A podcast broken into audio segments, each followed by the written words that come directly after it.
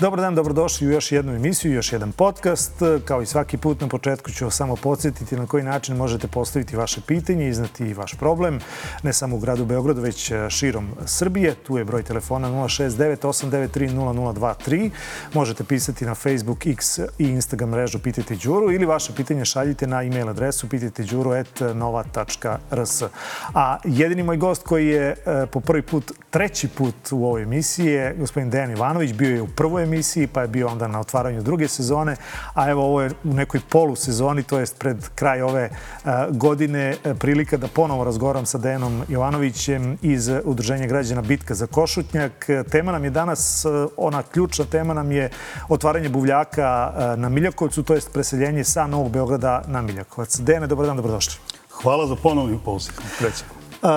Neki dan smo gledali kada, kada se to desilo da ima onih koji kažu odlična stvar. Konačno smo ispod krova, nećemo kisnuti e, i oni koji dolaze da kupuju isto će biti u jednom ušuškanom prostoru, a ima i onih koji kažu da, ali to ne može da se poredi lokacija na Miljakovcu gde se sada nalazi, gde je bila neka Miljakovačka pijaca i ona lokacija na koju, na koju smo navikli, to jest e, Novi Beograd preko puta buduće, nadamo se, autobuske stanice.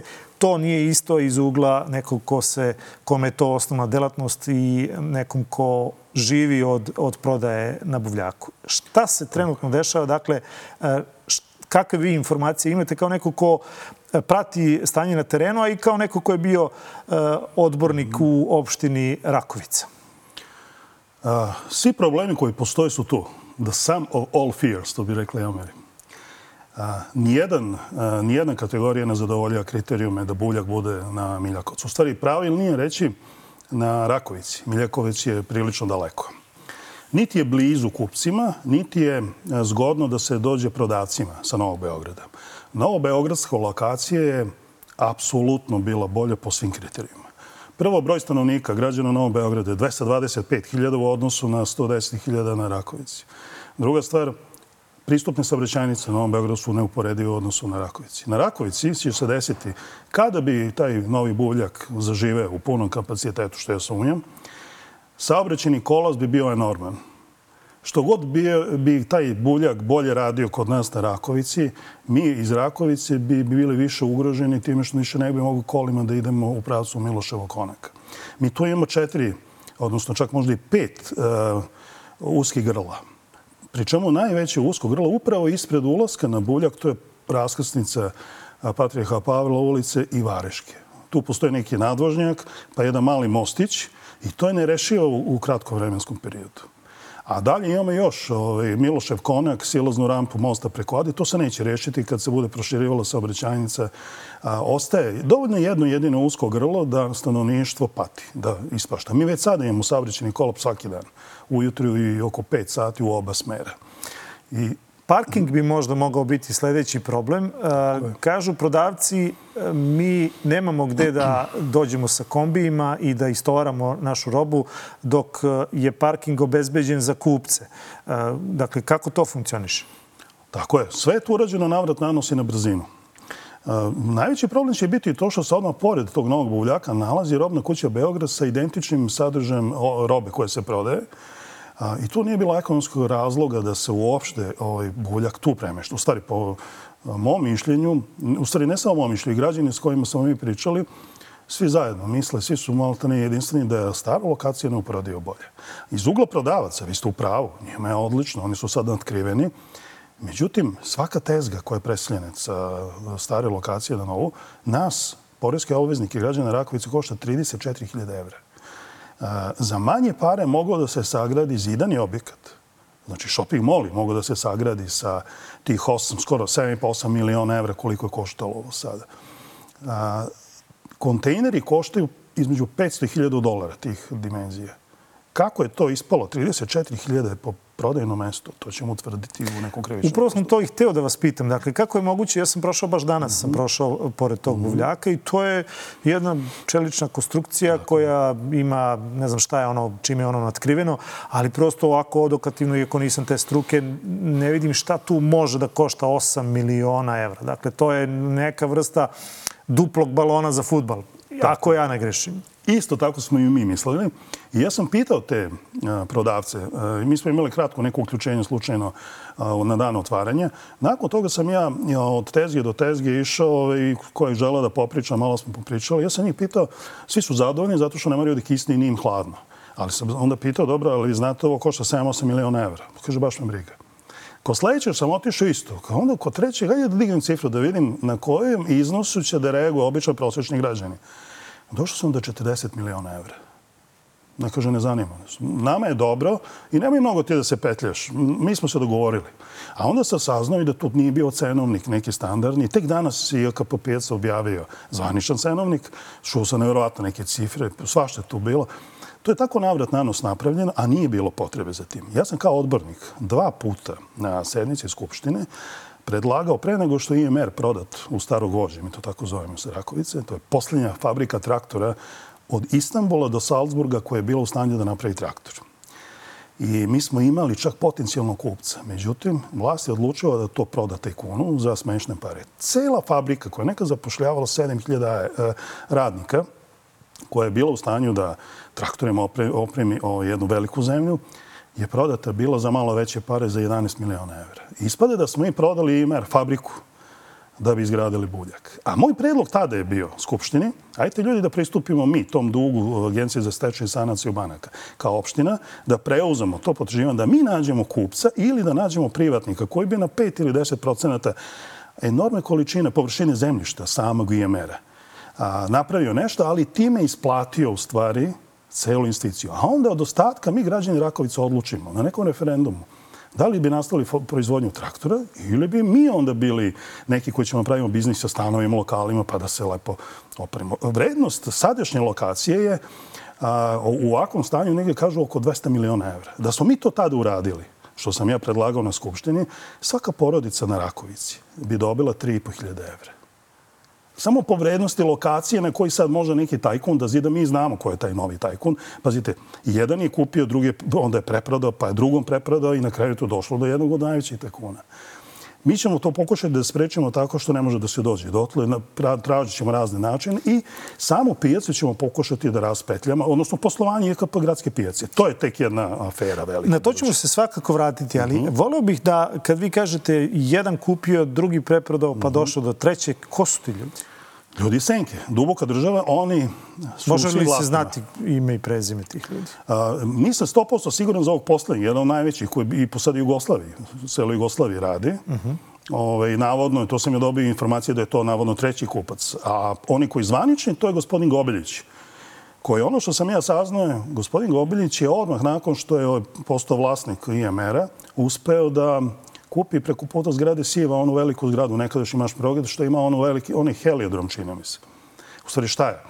Kada vi za neke male pare kupite nešto što drastično više vrede, vi imate onda kreditni potencijal tog novog ovaj, gradilišta budućeg, gde mogu se sazidaju stanovi, lokali, I onda sa tim potencijalom imate kreditni ovaj, potencijal da se zadužite za deset puta veće pare. Mm -hmm. I to onda ide geometrijskom progresijom. U stvari, to je, to je u stvari od otprilike 90. godine, kako su svi tajkuni geometrijskom progresijom postali sve veći i veći. Znači, oni kupe jedno preduzeće, bud zašto, na šest rata. Pazite, tad su postojale, postojale mogućnosti, vi ako ste domaći kupac, eh, Srbije, odnosno u ono vreme Jugoslavije, vi ste mogli na šest rata da kupite, recimo, IMT fabriku traktora. Ja sam sasvim slučajno bio prisutan jednom prilikom kada je došla neka ekipa koja je trebala da razrežu staro gože. Ja sam poznan bio kao prevodilac.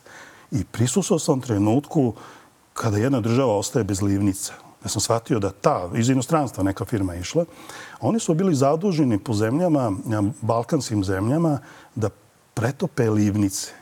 Kada jedna država ostane bez jedne jedne livnice, ona ne može više da izlije blok motora, traktora. Onda ima šahtove kineske koji svaki dan propadaju to to. i uh, to, to je krajnji, krajnji ishod.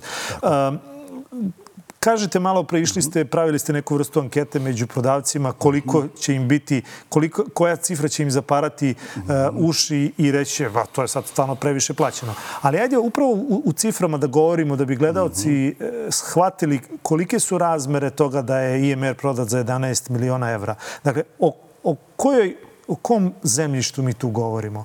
Jer recept je poznat. Dakle, recept je taj, e, dovedi ga do stanja da i običan prolaznik iz autobusa kad prolazi i kaže vidi ovo smeće, pa ovo treba urediti. Kome će taj EMR da napravi traktor kad pogleda na što liče te hale e, i uopšte taj traktor i da se pravi ne bi bio konkurentan na, na evropskom tržištu. Ali da se drugačije radilo, -hmm. Ajde samo kroz brojke da približimo ljudima koliko je to zaista vredno. Mi bi, najbolje bilo da dodamo i 21. maj. Kad dodamo 21. maj, to je cijela Rakovica. To je skroz do početka kružnog puta. 21. maj je kupio, kupila firma onog poslanika narodnog iz Nove demokratije koji u tom trenutku obećao da će on tu u 21. maju da zatvori, e, e, otvori čak 11 radnih mesta jer namerava da prepakuje kolače. To imate čak i u medijima. Možete pravi. Ja sam se podsjetio tako što sam malo izgooglao. 21. maj je servisirao uh, motore mlaznih lovaca naših orao, Rolls-Royce. Imao licencu za servisiranje, montažu i proizvodnju gazela, helikoptera. I sad ja kad bi pričao, trebalo bi na tri emisije. Ja sam i 21. maj dao predlog da se sačuva, makar fabrika malolitražnih motora. Svaki put u sednici Skupštine opštine, kad bi ja tako nešto predlagao, hatali su se glavu, za glavu a, ovi vladajući. I to je bila cika i vriska, zavitlavanje, dobacivanje. Ajde, kaže da Jovanović silazi, pošto sam imao samo minutažu kao nezavisni odbornik, minuti 40 sekundi. To je bilo tako zavitlavanje, otprilike žurimo kući, ajde daj brzo da usvojimo odluku. Kao u Narodnoj skupštini. Tako je. S tim što je, ajde nazovem, ja to uvijek kažem tako, ovaj, u ranije malo su se poboljšali, pristojili, na Rakovice je bio na prednjački Nürnberg, da budem brutalan. Mi smo čak i imali, to nikad nije u javnosti izašlo, mi smo kad je bio, kad je bio predsjednički, predsjednički kandidat Saša Janković, ja sam to vodio kao poverenik za Rakovicu, desilo se jedna situacija da je bila jurnjeva kolima, četvoro kola njihovih, mi smo njih prozvali tad e SA jurišni odredi. Tako su se ponašali ljudi iz Skupštine. I desilo se čak to da smo u bežanju tom, to je prvo sve mi njih pojurili, pa su onda oni nas, pošto ih je bilo više, nismo bili sigurni da su naoruženi, mi smo morali da pobegnemo do policijske stanice Rakovic. Oni su nas opkolili bili na policijskoj stanici. I tad sam ja prvi put video kako izlazi obezbeđenje sa repetiranih heklarima. Žene koja je tu bila u onoj kućici izletala, izašli su drugi, tražili pojačanje. I to je nastala cena jedne nevratno nestalo struje. Uhapsili su tu omladinu, da nije bilo mene, prošle godine bilo 17 godina, nas 11-12. To je jedna nevjerovatna priča, nikad nije bila objavljena, a, osim u tim nekim opozicijnim krugovima tokom kampanje. Ovaj, ali to razotkriva način kako, vlada, ovaj, kako se vlada državom, pričamo da se vratimo na ovaj deo. 21. maj je posledica one prethodne vlasti. A, mi ćemo sad biti u situaciji, vjerovatno, da će tajkuni zajedno da nastave da vladaju. IMR su uzeli za bud zašto. Da, ono što se ne zna. IMR je nekada a, proizvodio avione. IK-3, to je IK-Z, je bio avion koji je e, Kraljevina Jugoslavija napravila, a svako ko se razume može da vidi silueta aviona je identični Hurricane, britanski, koji je odbranio Britaniju. Nije Spitfire, nego Hurricane.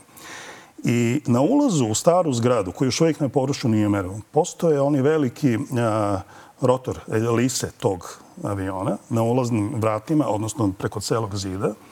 I mene je pre 4-5 godina zvao uspaničen jedan radnik, molio me dođi pomaži, oći, došli su trgovci sekundarnih sirovina, kreću, krenuli su da skidaju taj taj neverovatno vredan muzijski eksponat. No sam nekako digao dževu, mislim da smo spasli bar to, ali su verovatno mašine završile na starom gvožđu. Deo fabrike navodno je SDPR otkupio, Ali se postoji pitanje što smo uopšte prodavali fabriku. Da, jedno sad, jedna sugestija. Spomenuli se stara tehnologija.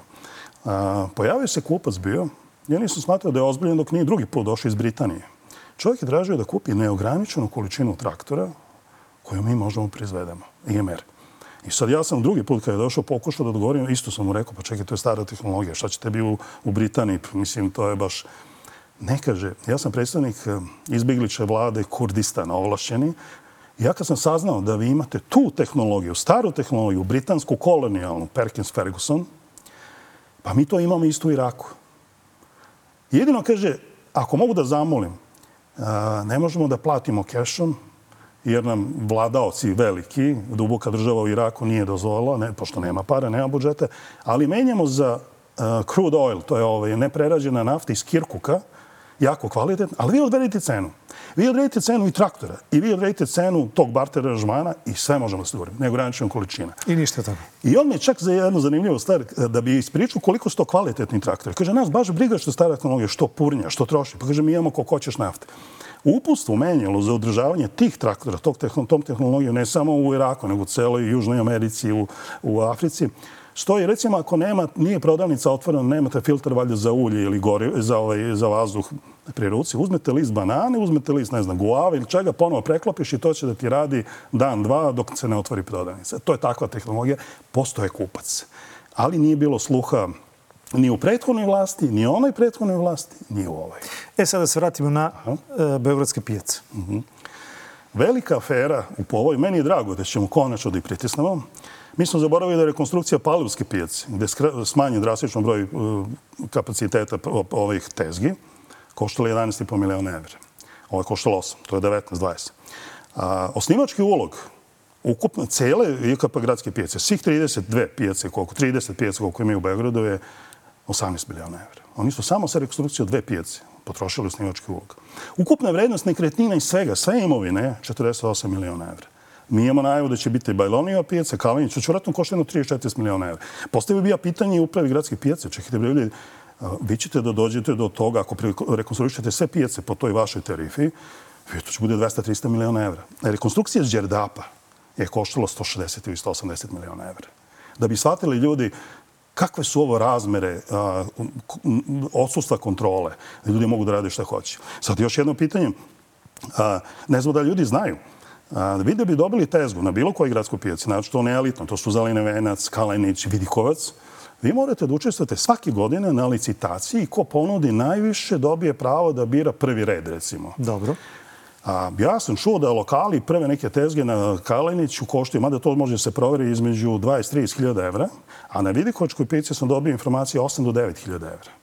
I sad ja sam jedne godine otišao, to je bilo pre dve, tri godine, da vidim te... A da, da biste vi dobili pravo da trgujete prehrambenim artiklima, odnosno da prodajete ono što ste uzgajali na pijaci, vi morate da budete registran kao poljoprivredno gazdinstvo. Znači, zasadio si jagode, pa si ih ubrao, opra i donosi ti. Znači, ti si taj.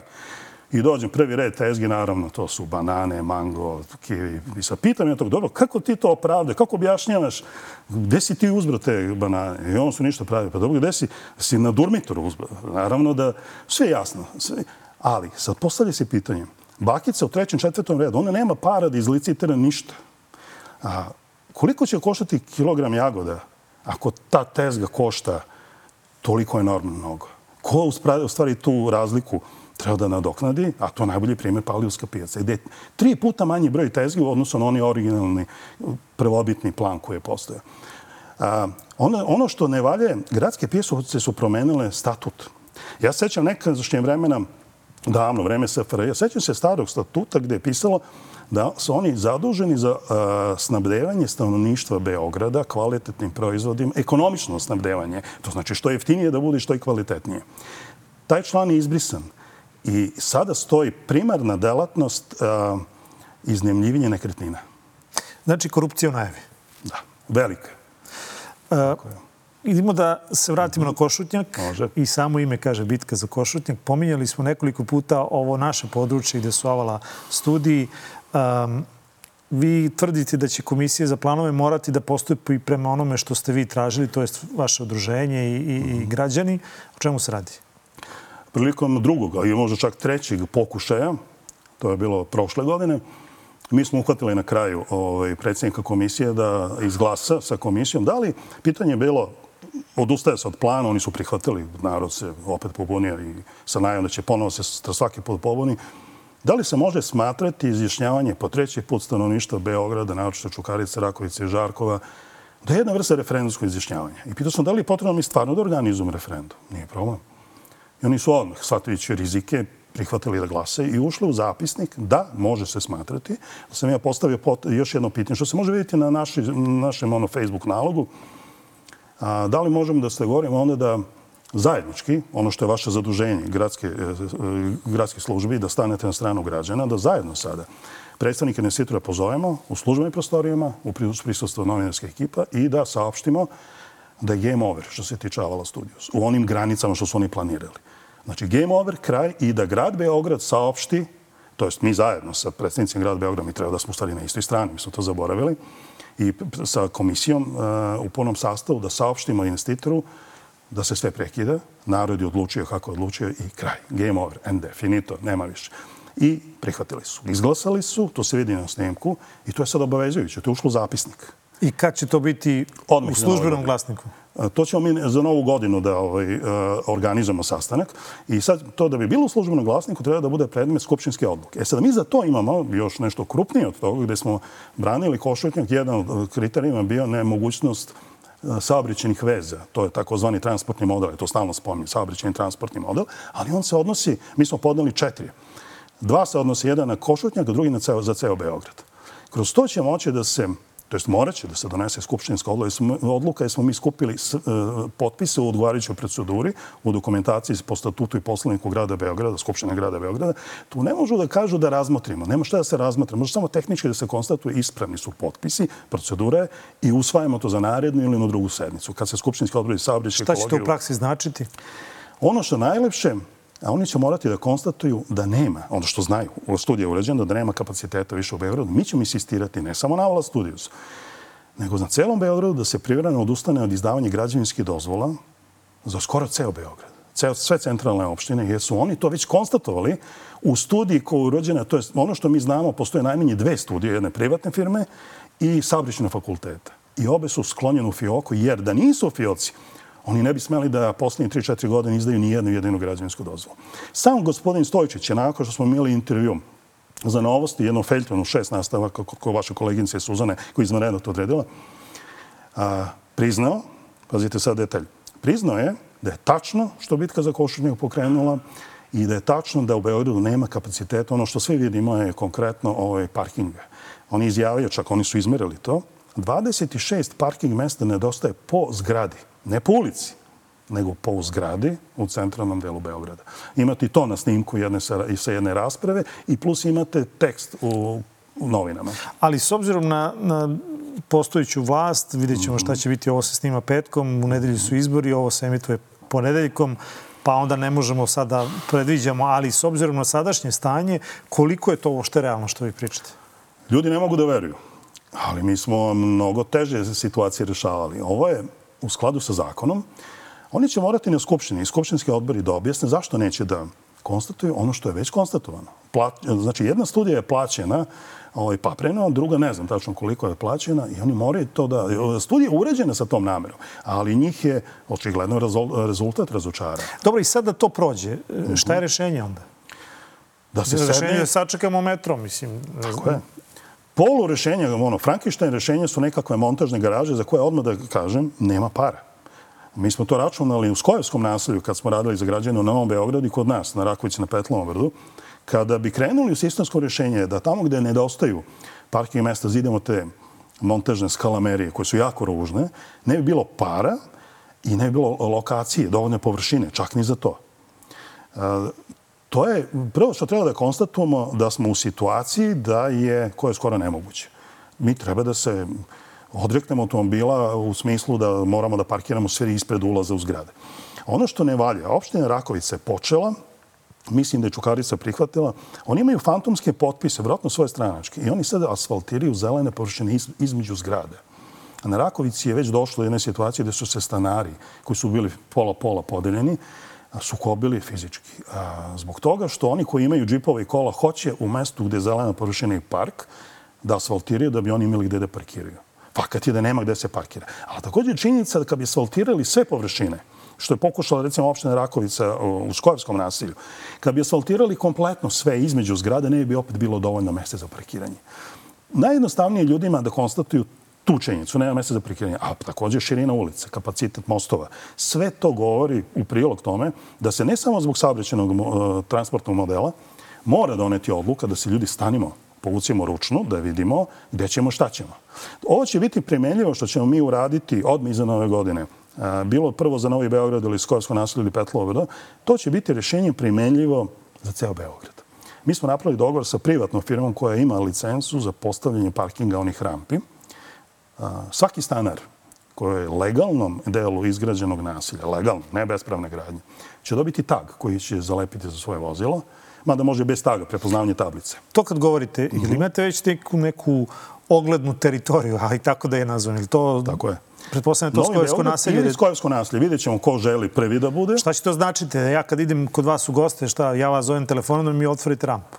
To je stvar... to uopšte zakonski moguće s obzirom je to javna površina? E, to je jedna samo začkoljica. Prvo će morati grad Beograd da nam objasni, to je da potvori da smo mi vlasnici uh, parking mesta koje su unutar e, stambenih nasilja koje su legalno izgrađene nekada davno.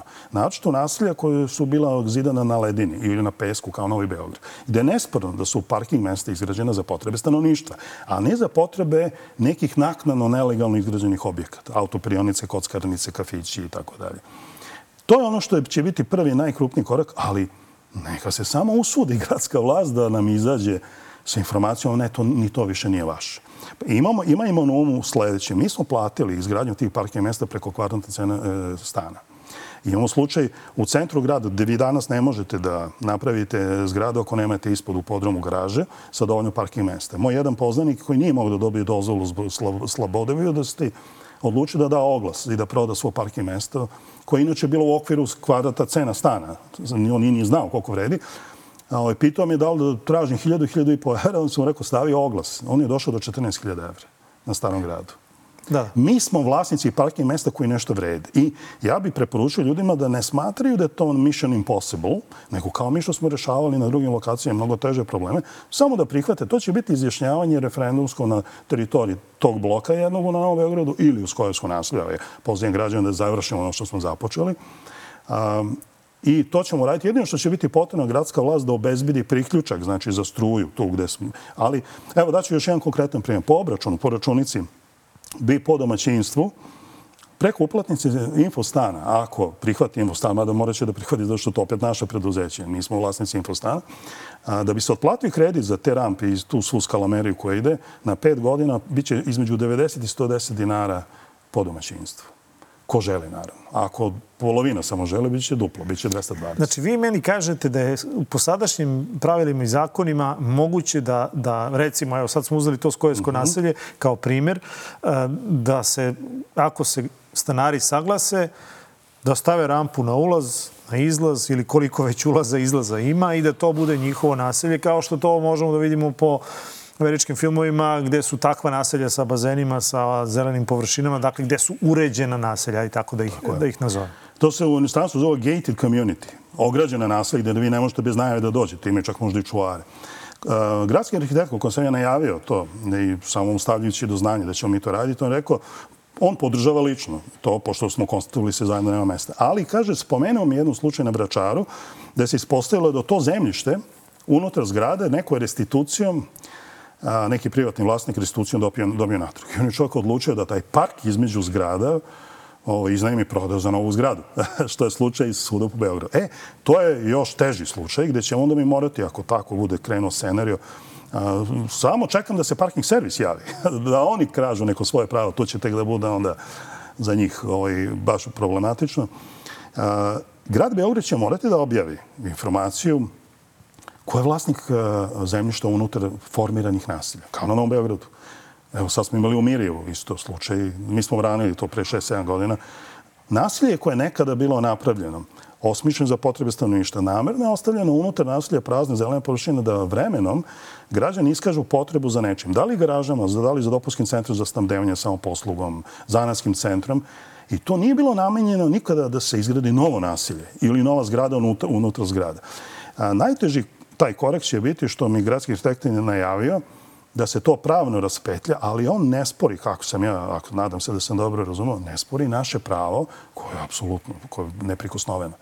Jako će teško biti ljudima u nasiljima kao što je Novi Beograd, da im se objasni, da im se stavi do znanja u onim blokovima, da ono što je unutar nasilja u stvari nije njihovo. To se inače desilo u Belvilu, odnosno izmijenjava se, pored Belvila neko novo nasilje, preko noći došao neko stavio rampu. I sad ljudi koji su koristili parke misleći da je njihov, ispostavilo se da nije.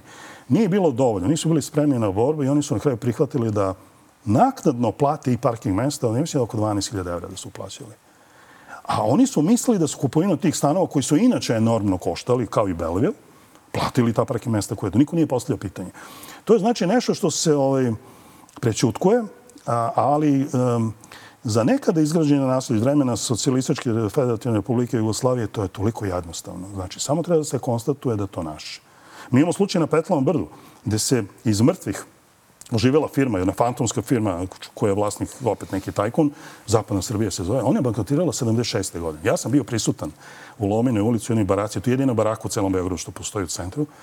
Ja sam bio prisutan kad je tetkica nama odgovarao mom ocu i, i meni. To, Znate, po čas je došli, mi smo bankrotirali. Oni su posle 5. oktobra izašli u stečaj i krenuli su građevinskoj mafiji na Petlovom brodu da prodaju lokacije po cenama koje oni odrede. Znači, zelene površine koje su bile nekada ostavljene za potrebe građana i sad mi na Petlovom brdu koje je nekad bilo na kraju grada osmišljeno kao porodično nasilje, imamo problem i sa parkiranjem i sa tim novim nekim doseljencima koji prave probleme sa džipovima i To je scenario svuda za ceo Beograd ako ljudi budu čutali. Da, bit će tu potrebna još jedna stvar.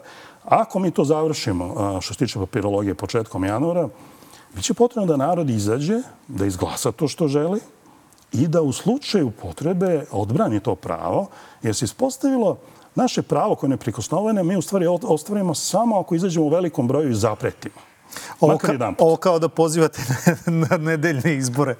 Ali, A to, da, da, da. Dene, hvala vam puno na, na današnjem gostovanju. Biće prilike pa ćemo opet, e, kada dođu neke nove teme, naravno vi mi javite kad se ove stvari razviju u nekom smeru, da li negativnom ili pozitivnom, pa ćemo vidjeti u kom smeru e, da guramo zajednički, da, da e, poboljšavamo Eh, ono što se zove život u jednom glavnom gradu. Hvala. Hvala još jednom. Moj današnji gost bio Dejan Ivanović eh, iz Udruženja građana Bitka za Košutnjak, a broj telefona otvoren i za vas, za vaše pitanja 069-893-0023. Pišite na Instagram, X i Twitter i, eh, Insta, i Facebook mrežu Pititi Đuru ili vaše pitanje šaljite na e-mail adresu pititiđuru.nova.rs.